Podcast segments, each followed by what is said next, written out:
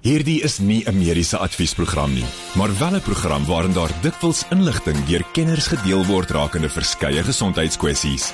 Vir persoonlike raad of advies, raadpleeg jou mediese dokter of sielkundige. Groot trauma op Groot FM 90.5. Dis groot trauma elke woensdag aand tussen 8 en 9. Ek is Pieter Kloete saam met dokter Jaco van die Kerk. Hy is direkteur van Trauma 24, die trauma eenheid by Netcare of uh Jacques my gou weer. Net keer uh, in Montana. Net so my voorval. en ehm um, hy het ook sy eie praktyk daar in Montana. Ja, altyd lekker dat jy hier is. Goeienaand Pieter. Goeienaand almal by die huis. Lekker om hier te wees. Ons kyk nou so 'n paar nuus stories wat nuus gemaak het en ek wil 'n bietjie hoor wat is dokter Jaco van die kerk se opinie daar rondom. Jaco, lyk my ons kan net nie wegbly van staatshospitale en klinieke nie. Daar's blykbaar nou familie wat antwoorde soek na 'n vrou in 'n kliniek wat kla van pyn buite sterf. Ja, Pieter, ek dink ehm um, aan die een kant dis dit 'n slegte storie en aan die ander kant dink ek dit is 'n 'n geleentheid om die mense daar buite ook half op te voed of of in te lig oor ehm um, die verskillende vlakke van sorg in ons land. Dis 'n 36-jarige vrou van George wat dan nou kliniek bygewoon het om haar kroniese medikasie ehm um, maandeliks af te haal. Nou sy het die medikasie gekry volgens die familie ook. Ehm um, en net vir die personeel het gesê sy voel nie lekker nie. Nou mense moet besef meeste klinieke daar buite het nie dokters wat heeltyds daar is nie. So dit is verpleegpersoneel wat jou sien en evalueer en baie van daai verpleegpersoneel het net 'n 'n basiese diagnostiese kursus of basiese gemeenskapsdiens en gemeenskapsgesondheid um 'n uh, uh, opleiding. So dit is tog beperk tot 'n tot 'n groot mate. In ons land in die staatssektor is daar drie fases van van sorg. Ons praat van primêre gesondheid, sekondêre gesondheid en tersiêre gesondheid. Jou primêre gesondheid is jou klinieke en dit alles eintlik letterlik net daar om jou vitale tekens te doen, voorgeboortesorgklinieke te hardloop, um jou kroniese medikasie elke dag um uit te deel of elke maand uit te deel sodat um die sekondêre en tersiêre hospitale nie oorweldig word nie. Jou sekondêre hospitale het dan nou gewoonlik um ten minste interne dokters of gemeenskapsdiensdokters in, maar nie noodwendig spesialiste nie. En dan jou tersiêre hospitale is dan die gespesialiseerde hospitale. So dis nooit 'n goeie idee om met 'n nuwe siekte by kliniek op te daag nie. Dis punt nommer 1. Die twee die die die sleg ding net van hierdie hele storie is ja, dit het nou die koerant gehaal. Ehm um, maar die die die pasiënt is HIV positief en hy het aard van die saak het ook ehm um, geassosieerde siektes gehad anders was sy nie by die kliniek om kroniese medikasie te kry nie. Ehm um, maar die familie sê nou na die tyd sy was die vorige dag nog perd fris. Nou dis 'n baie moeilike ding om te glo en en, en almal van ons wat in 'n medisyne wêreld betrokke is en wat in die medisyne wêreld werk weet dat na so 'n gebeurtenis wat 'n baie traumatiese gebeurtenis is vir 'n familie is dit baie keer 'n maar 'n manier om jouself te beskerm en te sê jy weet ehm um, maar die persoon was 100% gesond die vorige dag. Geen mens wat 'n kliniek be, be, besoek in ons land wat 'n dag daar sal sit want sy het eers 3 die dag in die middag haar, haar medikasie en en ehm um, ondersoek gekry. Ehm um, geen mens wat die heel dag daar sal sit is blakend gesond ehm um, net om medikasie te kry nie. Ehm um, dit is baie hartseer dit is so dat die ambulans laat was dit is so dat selfs ehm um, die personeel gesê het hulle maak toe vir die dag. Maar ek dink aan die ander kant van die van die departement gesondheid en ek dink die mense daar buite weet ek is nie baie pro noodwendig die departement gesondheid nie, maar vir hulle hierdie slag dink ek moet 'n mens in ag neem dat daar beperkte opleiding is. Daai mense word betaal eintlik net van 8 tot 4 om medikasie uit te deel en hulle het regtig beperkte voorrade, hulle het beperkte ehm um, medikasie, hulle het beperkte ehm um, fasiliteite om diagnostiese prosedures uit te voer. En ek dink mense moet dit van beide kante af kyk. Ja, dit is sleg vir die familie, maar ek dink ehm um, mense moet ook die die ander kant van die sy baie keer na kyk. Net in ons bietjie kyk na wêreld prematuurdag en dan uh, ook 'n manier hoe jy jou vel teen die somerson se geniepse gestaal kan beskerm daai op pad vir jou net hierna. Jou grootste FM. Groot FM 90.5. En ons kyk dan so 'n paar nuus stories wat nuus gemaak het en ek hoor bietjie wat as dokter Jaco van die kerk se opinie daar rondom. Jaco, dit lyk my die Vrystaat doen nou bewusmaking oor die risiko's uh, van uh, prematuur geboorte want dit is natuurlik wêreld prematuurdag. Ja, um, Pieter, dit is die 17de November uh, wêreld prematuurdag gewees En ehm um, dit is 'n groot groot dryf na die bewusmaking van prematuriteit.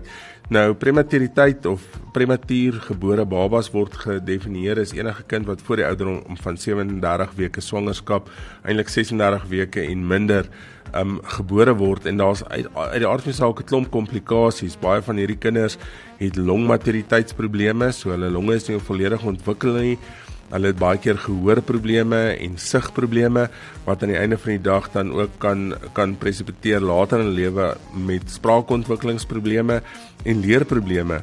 Ehm um, nou ons weet almal wat die risikofaktore van ehm um, prematuur geboorte uh, en en en premature babas en en en hierdie belangrikste risikofaktore is maar goed soos oorgewig of vinniger gewig aansit in swangerskap as wat nodig is rook, alkohol en dwelmmisbruik, hoë bloeddruk, maar ook prem uh, uh, uh, hoë bloeddruk in swangerskap, um preeklampsie en eklampsia, sulks diabetes en dan ander probleme met die met die geslagsorgane in terme van selfs die plasenta, die cervix, die uterus self. Um dan in ons land is daar nog steeds 'n beperkte um toegang tot voorgeboortesorg weens finansiële redes baie keer. Maar ek dink een van die groot belangrikhede van hierdie bewusmakingsdag en hulle hulle tema van jaar was ook klein stappe maak groot impak. Um is dat mense moet aangemoedig word om voorgeboorteklinieke te besoek.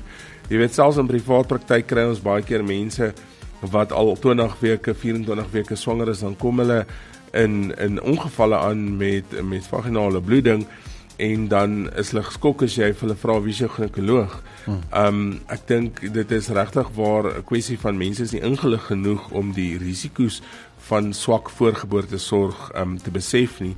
En ehm um, daar's 'n groot klomp mense wat nie omgee dink ek nie, maar ek die die meeste mense glo ek en hoop ek, ek kan glo dat hulle tog vir hierdie kind omgee en ek dink dis 'n baie baie goeie bewusmakingsdag klein stappies gaan net vir voorgeboortesorg en as jy nie kan bekostig by 'n privaat ginekoloog nie, gaan na jou naaste um staatsinstelling toe wat wel goeie um voorgeboortesorg kan gee en um maak so seker dat jy jou risiko vir hierdie baie baie hartseer toestand beperk. En ons het af met uh stories wat nie gemaak het. Ek sien Marula Media het 'n artikel wat bietjie vir ons help om te uh ons vel teen die somerson se geniepse gestrale te uh te keer. Ja, nou ja, dit is amper Desember. Ek weet baie mense vat al so van die 15de af uh, vakansie en hulle gaan af strand toe en is lekker. Ek dink ek, ek wens is ons. So ek moet nou maar seker maar weer moeilik wees en ek dink baie mense is al moeg vir hierdie gesprek van van sonbrand en bly net asseblief uit die son uit. Maar ons weet Suid-Afrika se son is is redelik aggressief.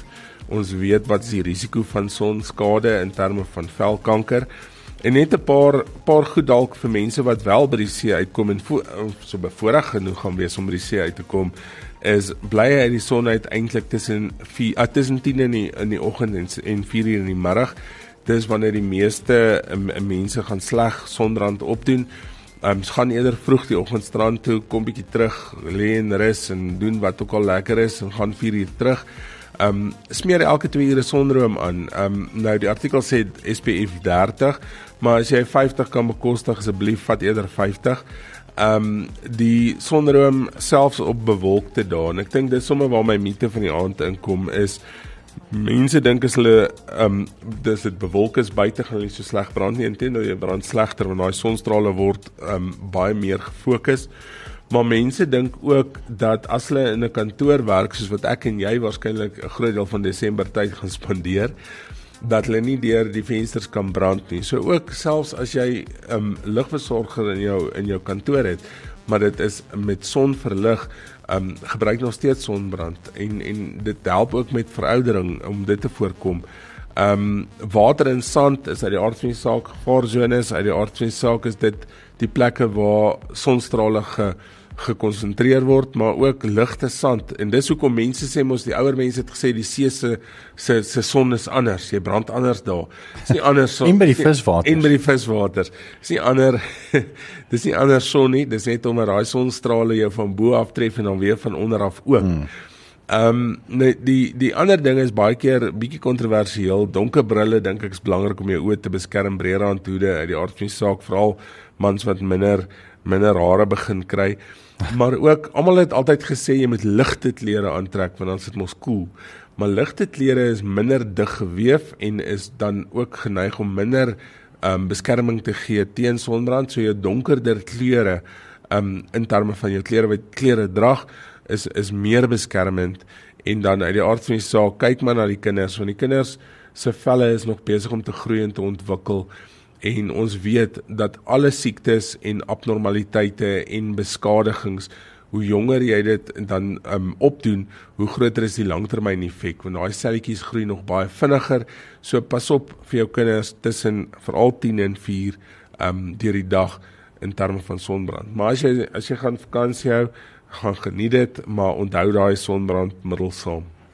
Ons sal net nog ons 'n bietjie gesels oor Irlen sindroom, so bly gerus ingeskakel daarvoor. Met die volgende program bo Groot FM 90.5 om jou as luisteraar met die nodige inligting oor 'n spesifieke onderwerp te voorsien. Alhoewel hierdie inligting dikwels deur 'n kenner op die gebied gedeel word, word jy aangemoedig om jou mediese dokter of sielkundige te besoek vir persoonlike advies of raad. Groot trauma met Pieter Kloete en dokter Jaco van die Kerk op Groot FM 90.5.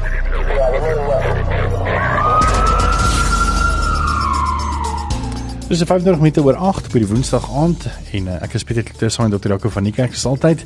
En ons eerste twee gaste vanaand is Ida van der Skuyf en Ian van der Skuyf, ma en seun. Ons gaan 'n bietjie vanaand gesels oor Irlen sindroom en ook die nuwe ehm um, mediese navorsing wat nou reeds gedoen is rondom hierdie.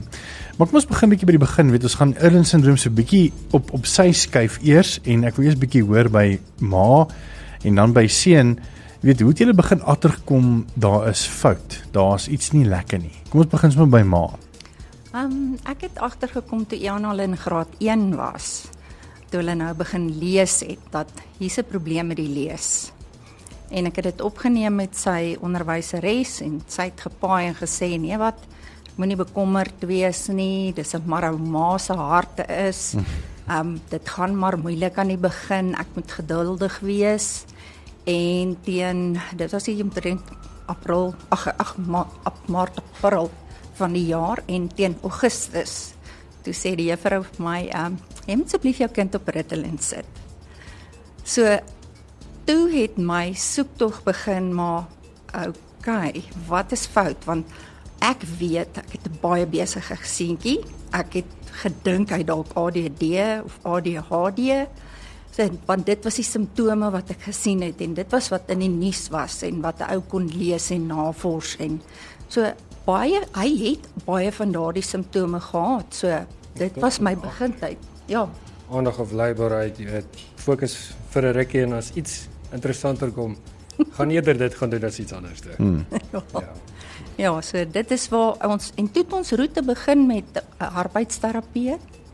En ehm um, ons toe het arbeidsterapie gedoen. Ja, elke liewe skooldag direk na skool, ry honderde kilos elke liewe dag. Ja. Ja, sien, dit was baie goed. Why is I kim on arbeidsterapie? Ja.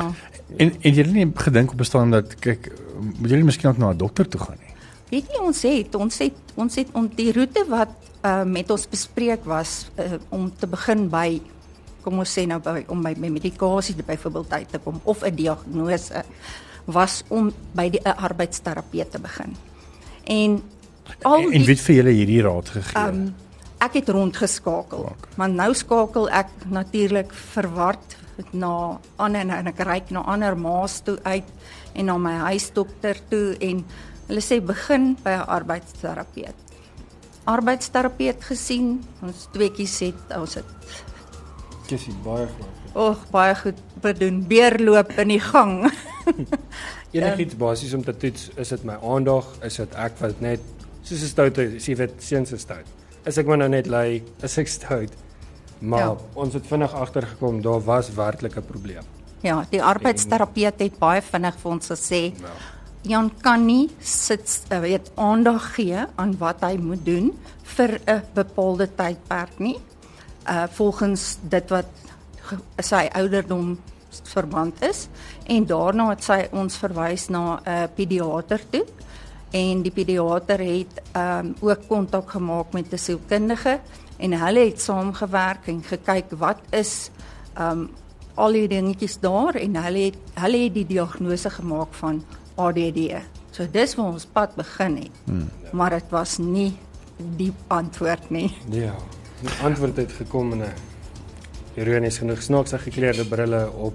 Yes, ek was amper 16. amper 16. Nou moet jy dink ek kon nie 'n punt, komma, plus, minus, mal enige tipe goed sien tot die ouderdom van ek was 15 jaar 9 maande.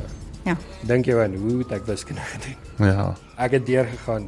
Die een ding wat dit my wel geleer het is ek gaan dit sê. Auditief as ek nie opgelet het in die klas nie, sou ek nie dit gemaak het tot waar ek vandag is nie. Dit leer jou ander sintuie. By geen manier is hierdie 'n uh, jy weet iets wat jou moet terughou nie. Ongelukkig is dit jy dra snaakse gekleurde brille, maar jy moet nie skaam wees nie. Hmm. Dis nie iets wat vir ander mense is nie, is vir jouself en om jouself die kans te gee om te leer soos almal daar buite. Hmm. So Ons gaan 'n bietjie later ook in die program gesels uh, met twee kenners uh oor Illen syndroom en dan ook 'n bietjie by Jaco hoor want uh, daar's baie interessante nuwe uh mediese studies wat wat gedoen word, weet jy. Uh dit's amper half die die twee kante en ons moet altyd maar weet in enige mediese veld is ons maar twee kante ehm um, van van van 'n 'n probleem of so iets weet en en die een kant dink dit is die die antwoord en die ander kant dink dit is die antwoord en dis nogal baie interessant want ek meen jy het nou dit letterlik gesê ook van ADHD en die meer. Mm. So ons gaan 'n bietjie later in die program ook by Jaco hoor oor wat is die die ander mediese en neuro ehm um, chirurge se opinie rondom Irlen syndroom. So bly gerus ingeskakel daaroor. As jy enige vrae het, jy meer as welkom vir ons te vra. Dr. Jaco van die kerk is hier so en ons ander twee kenners 'n bietjie later by ons gaan aansluit. 061 610 4576 onthou standaard tariewe geld. Net nou weer terug by ma en seun Ida en Ian van der Skyf. Groot trauma op Groot FM 90.5. Spykans 25 minute weg van 9 uur af. Dis groot trauma. Ek is Pieter Kloete saam met Dr. Jaco van die kerk. Ons twee gaste vanaand is uh ons eerste gaste is Ida van der Skyf en haar seun Ian en um, hulle het nou reeds net voor die breek bietjie gesels oor weet hulle hulle reis van nie weet wat is hierdie probleem tot wat hulle nou half amper half bietjie weet. Okay, ek dink ons het hom nou. So toe jou ma nou gejaag ehm um, hoërskool toe om vir jou hierdie brille te gee met 'n kleur. Jan, het dit jou lewe verander? Basies om dit op die beste manier te beskryf is as jy jou hele lewe rondloop met 'n gewig op jou bors, jou rug. Vir die eerste keer in jou lewe op 16 kan jy punte, komma, plus minus gedeel deur maal. Vir die eerste keer sien ek en my maat gehuil want Hmm. Jy weet op daai stadium jy dink jy's dom. Jy weet jy kan nie lees nie. Jy jy kan lees tot in 'n mate, maar dis 'n gehakel. Jy sit en jy struggle. Jy struikel deur elke liewe leesstuk wat jy gaan. So ek sou sê dit is definitief 'n baie baie groot verskil. Nie net in my lewe nie, maar my akademiese lewe het dit 'n baie baie groot verskil gemaak. Nou, daadwerklik. Nee, definitief. In my eerste kwartaal het dit my gemiddeld met 35% opgeskuif. So sure. ek sal definitief sê dit het 'n groot verskil gemaak. En wat het die onderwysers gesê? Ag, hulle was maar baie vreemd aan die begin, maar ek het vinnig geleer dis nie vir hulle nie. Hmm. Dis vir myself. Ek het nou al deur genoeg gegaan om te weet, weet jy wat? As iemand anders 'n probleem het met dit, is dit hulle probleem. Maar hmm. ek doen hierdie vir myself en kort daarna jy weet, jy gaan aan. Die onderwysers gaan aan. Jy sê dalk hier en daar vir hulle luister ek asseblief moenie meer daai koutjie skryf nie. Ek kan dit glad nie sien nie. En met of sonder my bril. Dis nie omdat ek die bril dra nou kan ek ewe skielik nie daai sien nie. Ek kan nie dit sien met of sonder my bril nie. So jy weet die bril help om sekere kleure beter te sien, maar dit is 'n filter. So jy gaan sommige kleure wat jy oorspronklik nie meer lekker kom ons sê daar's highlighters. My boek het soos 'n inkleurboek gelyk. Maar ja. jy sal sien op elke liewe bladsy was daar hierdie kleur is belangrik. Hierdie kleur is nie so belangrik nie en hierdie kleur is ek kan nie dit vergeet nie. so ek het vir my color coordination gemaak. My boeke was gehighlight. Dit gelyk soos 'n inkleurboek. sy Afrikaanse juffrou was natuurlik nie so baie ingenome ja. dame nie. en ook op daai stadium dink ek het jou bril um, baie soos 'n donker uit 'n baie baie donker kleur skakering gehad. Is 'n sonbril. En hy het regtig soos 'n sonbril gelyk en dan het die juffrouens gesê Jy mag nie met 'n sonbril by die klas wees nie. gelukkig gelukkig het ek daar my kaartjie altyd by my gehad wat sê hierdie is wat ek het. Hierdie is die verduideliking. Asseblief as jy meer wil vra vra hierso die onderwyser wat ons baie gehelp het meneer van Jaarsveld het altyd hy het ons ja. het baie met hom gaan praat en hy het uit sy pad uit gegaan om onderwysers ja mm, by ja. By office weer yes, in te ja. lig oor wat is mm. Ellen en oor die uh, tyd wat ek graad 12 was dit was graad 8 oor die tyd wat ek graad 12 was geen probleem gehad nie hulle het so ver tot gegaan om my toetse in kleur te print jy weet hulle het my gevra wat se kleur moet ons as jy print? Hulle print vir my my vraestelle in 'n verskillende kleur. So daar is definitief onderwysers wat uit hulle pad uit sal gaan hmm. om as hulle net weet. As hulle net weet. Dis dis die groot ding, as hulle net weet. En die mense kan tog dan nie van onderwysers blameer nie, want ek meen hulle nee, is net opgelei om kinders te leer, weet jy. Ja. Hulle is nie daar om om diagnoses te maak nie, weet jy. Ja, ja.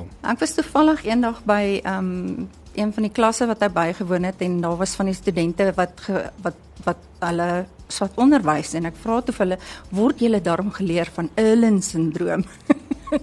so toe plant ek daar ook daar my saadjie, jy weet. So toe kom ek agter hulle word wel geleer oor sekere goed, maar nie dit is nie baie bekend nie. Hmm. Um en nog steeds um jy weet as ouer die oomblik aanvanklik was Ian se roete goed nou gaan ons van die um uh, opvoedkundige sielkundige toe daar sê die opvoedkundige sielkundige um mevrou, jou kind het 'n leer en lees gestremdheid. So dit het 'n geweldige emosionele impak gehad. Um ek moes al sy werk vir hom opsom, ek moes dit um um letterlik vir hom teken en opneem op 'n 'n mikrofoontjie en dan vir hom op 'n speler speler wat ek altyd verloor oorfone. Ag nee.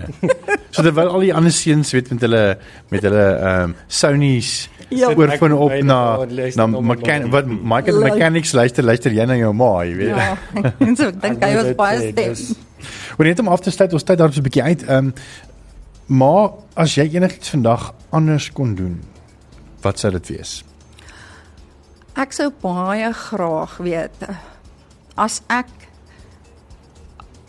as hy in graad 1 gediagnoseer kon gewees het dan was my kind soveel verder in die lewe as wat hy nou is. Um Ellen het 'n geweldige groter impak as wat mense besef. Um en baie mense dink en sê ook vir hom ag man jy stupid, weet terwyl hy eintlik briljant is. Hmm. As jy vir my 'n ingewikkelde wiskunde som lees, gee hy vir jou die antwoord. Sy amanuent sê vir my en dan werk hy dit terug want hy moet ons nou vir die ouens wys hoe kom hy daarby uit, weet. So om te weet jy het hierdie briljante kind wat vasgevang sit en hy kan nie vir die wêreld vertel hoe hy die wêreld sien nie. So my groot gebed was altyd die Here moet net vir my die sleutel gee om sy brein oop te sluit. En vir ons was hulle in daai sleutel. Definitief. Ja, dit en dit, ek het na al die jare nadat hy uit die skool uit is, het ek myself ook laas jaar laat toets. En ja, ek het ook Erlen. so, en nog baie mindere mate, maar dit is tog daar. Ja. Dis Ida en haar seun Ian van die skuif. Dankie dat julle julle storie kom deel het. Ons gaan net hier na 'n bietjie gesels met 'n paar kenners oor juis oor hierdie sindroom en ook wat die ander akademiese veld sê oor die simptome hiervan. Baie dankie vir julle. Dankie dat julle julle storie kom deel het. Groot trauma met Pieter Kloete en dokter Jaco van die Kerk op Groot FM 90.5.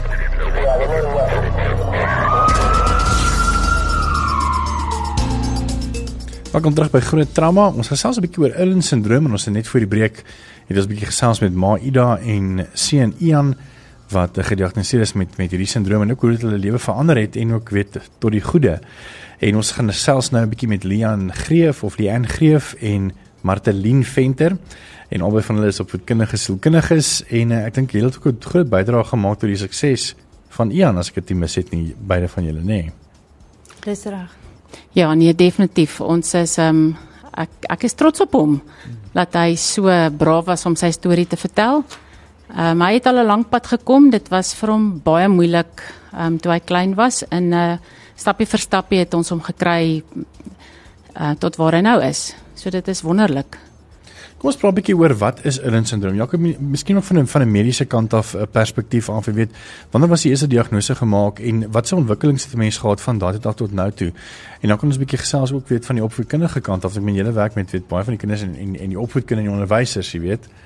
Ja, ek dink julle moet my nou help as ek verkeerd praat want ek slat nie 'n kenner in terme van hierdie nie. Maar ehm um, Irlen syndroom word ook meer as Irlen syndroom genoem. Dis reg. En dit kom van die mense af wat dit dan beskryf het eintlik in die begin of wat dit agtergekom het in die begin en en Meers Olive Meers is 'n is 'n Nieu-Seelandse onderwyseres gewees wat dan 1980 agtergekom het dat sekere mense visuele distorsies het ehm um, as hulle dan met ehm um, die lees van 'n van 'n stuk 'n uh, uh, leesstuk Uh in 1983 um het dan Helen Erlen agtergekom dat as jy dan van hierdie kleure uitfilter dat hierdie visuele verstoring dan verbeter. So eintlik as mense na die diagnose gaan of die die die definisie gaan kyk, is dit 'n liggebaseerde visuele prosesseringsversteuring. Um en en dit klink nou 'n baie ingewikkelde tipe van definisie, maar is eintlik relatief eenvoudig as mense dit in in in eenvoudige terme sit. So vertel vir ons bietjie meer hoe ervaar hierdie mense um hulle simptome? Ja, de ehm um, dit is definitief 'n dit dit klink na 'n ingewikkelde probleem, maar is eintlik 'n is 'n um 'n maklike oplosbare ding.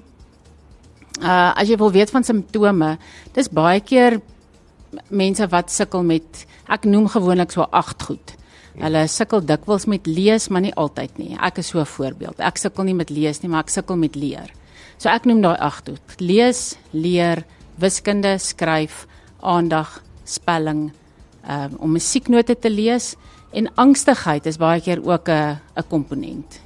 Nou die ander ding en ons het nou van die lig af gepraat daaroor Ehm um, daar's baie kontroversie nog alhoewel daar's 'n klomp studies vir dit, daar's net soveel klomp studies teen dit en dit is soos enige ding met medisyne. Party mense gaan vir dit, party mense gaan teen dit.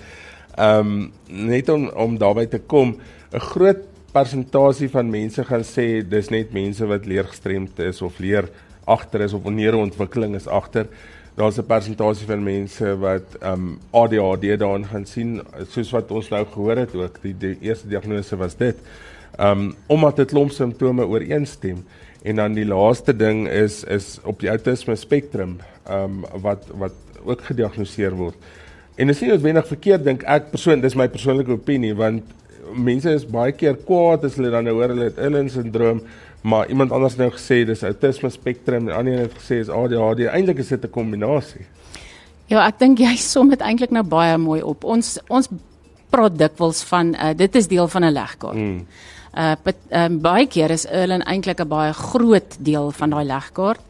Um en hulle is dikwels het hulle aandagprobleme of hulle lyk asof hulle ADHD is. Ek dink baie kinders word uh, verkeerd gediagnoseer. Mm, mm. Uh as jou bladsy vir jou ongemaklik is om na te kyk of as jy ehm um, jou prosesering is nie soos wat dit moet wees nie, dan gaan jy dalk onrustig wees of jy gaan rondbeweeg of jy gaan nie lekker stil sit nie. Jy gaan ook nie mooi kan luister wat die juffrou vir jou sê nie.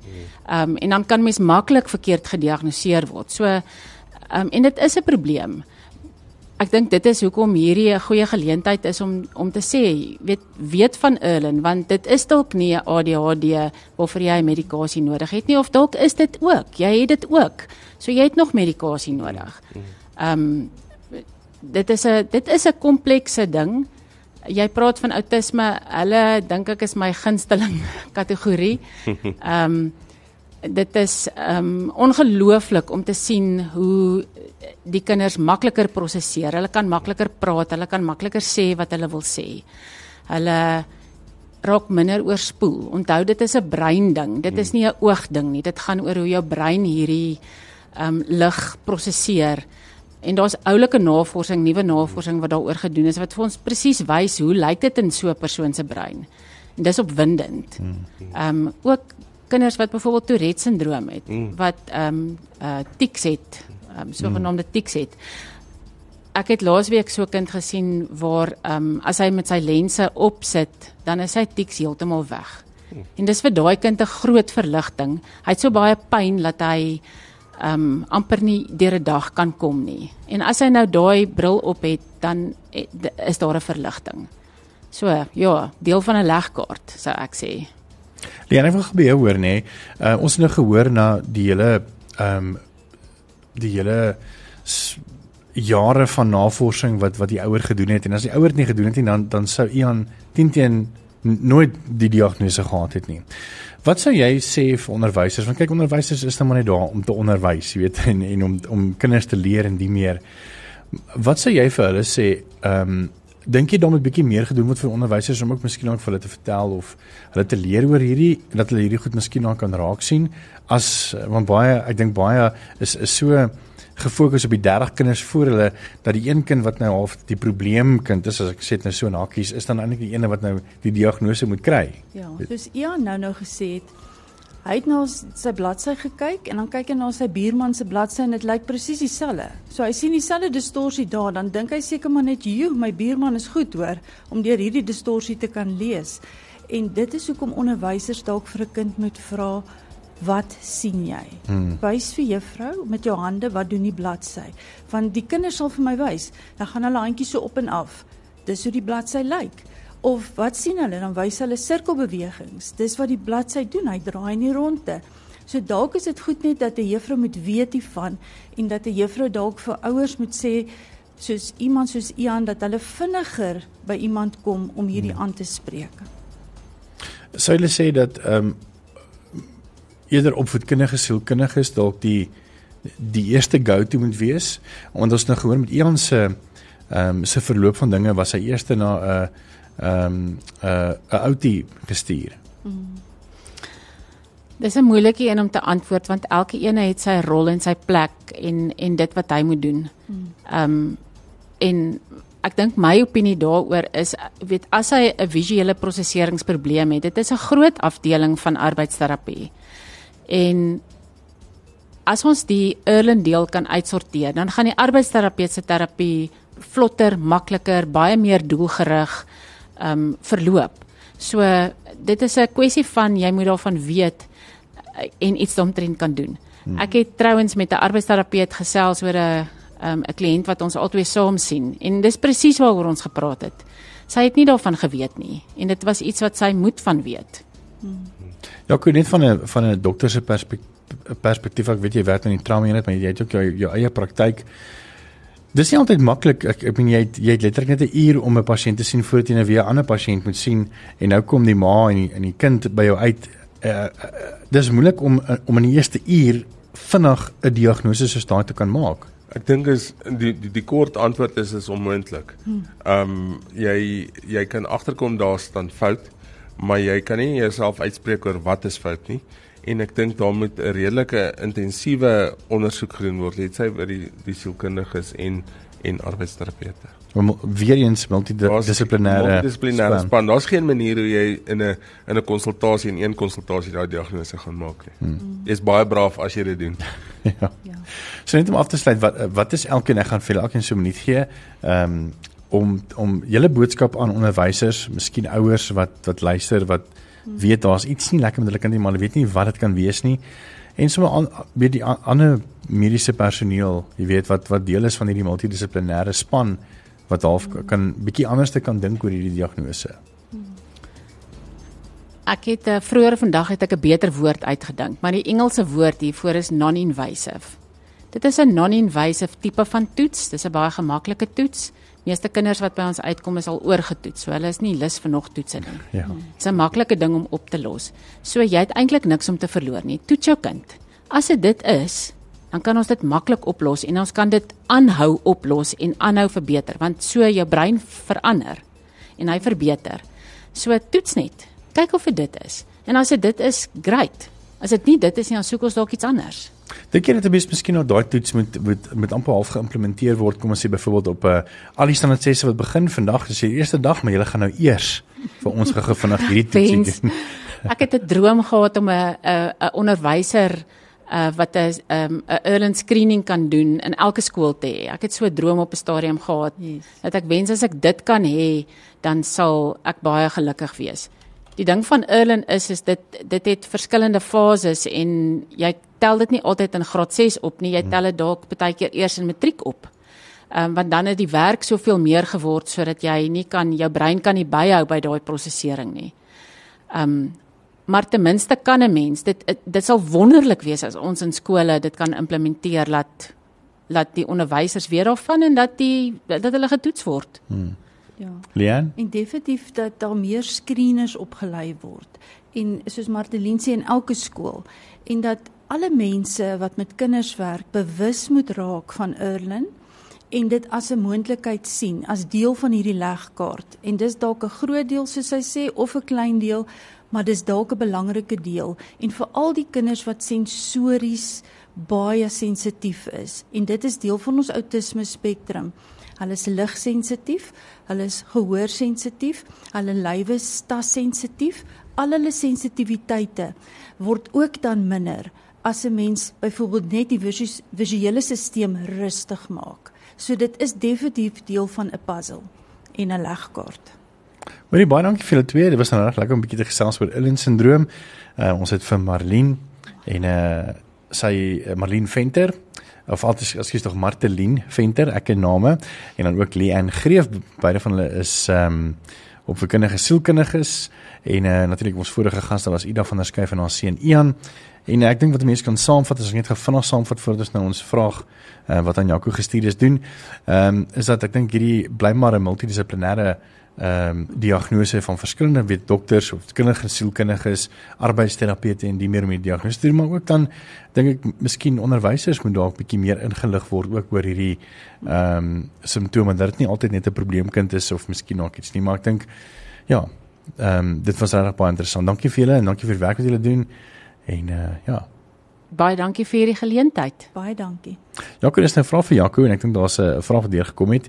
Jy kan hom sommer lees en antwoord as jy wil.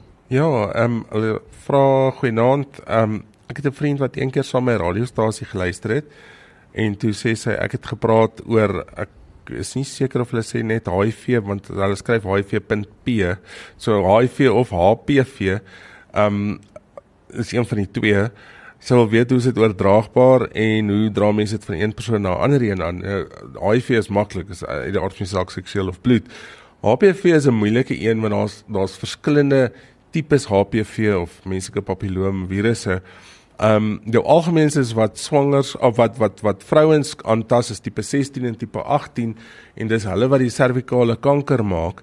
Ehm um, maar mense moet onthou daar's 'n 'n groot groep van menslike papilloomvirusse daar buite. So oordraagbaarheid uit die aard van die saak selfde as HIV, seksueel en bloedoordraagbaar. Jy kan dit aan jou kind oordra met geboorte. Ehm um, daar is sommige van die HPV virusse wat jy ook um, met speeksel kan oordra, maar dis nie die tipes gewoonlik wat servikale kanker veroorsaak nie. So die die die ding wat ons die meeste bekommer um, is maar tipe 16 en 18, daar's 'n paar ander subtipes ook maar um, dit is gewoonlik maar net seksueel oordraagbaar. Dit was vra vir Jaco. En dis groot drama vanaand. Ehm um, hopelik sal ons so teen Vrydag vir die potsending kan oplaai. So as jy dit weer wil luister, dit is op grootfm.co.za ons inhoud en dan podcasts. Gaan luister gerus weer en deel met jou vriende. En dan bly ons skakel volgende week die 29 November ons derde laaste groot drama vir die jaar. Kan jy glo? Kan jy ja, kan jy glo nee, die jaar het so vinnig verbygegaan. Nee, om die mooi aan te hê. Lekker musiek op pad vir jou en dan uh, Karla Burg wat jy môre om 5:00 gaan wakker maak met nuus. Groot trauma met Pieter Kloete en dokter Jaco van die Kerk op Groot FM 90.5.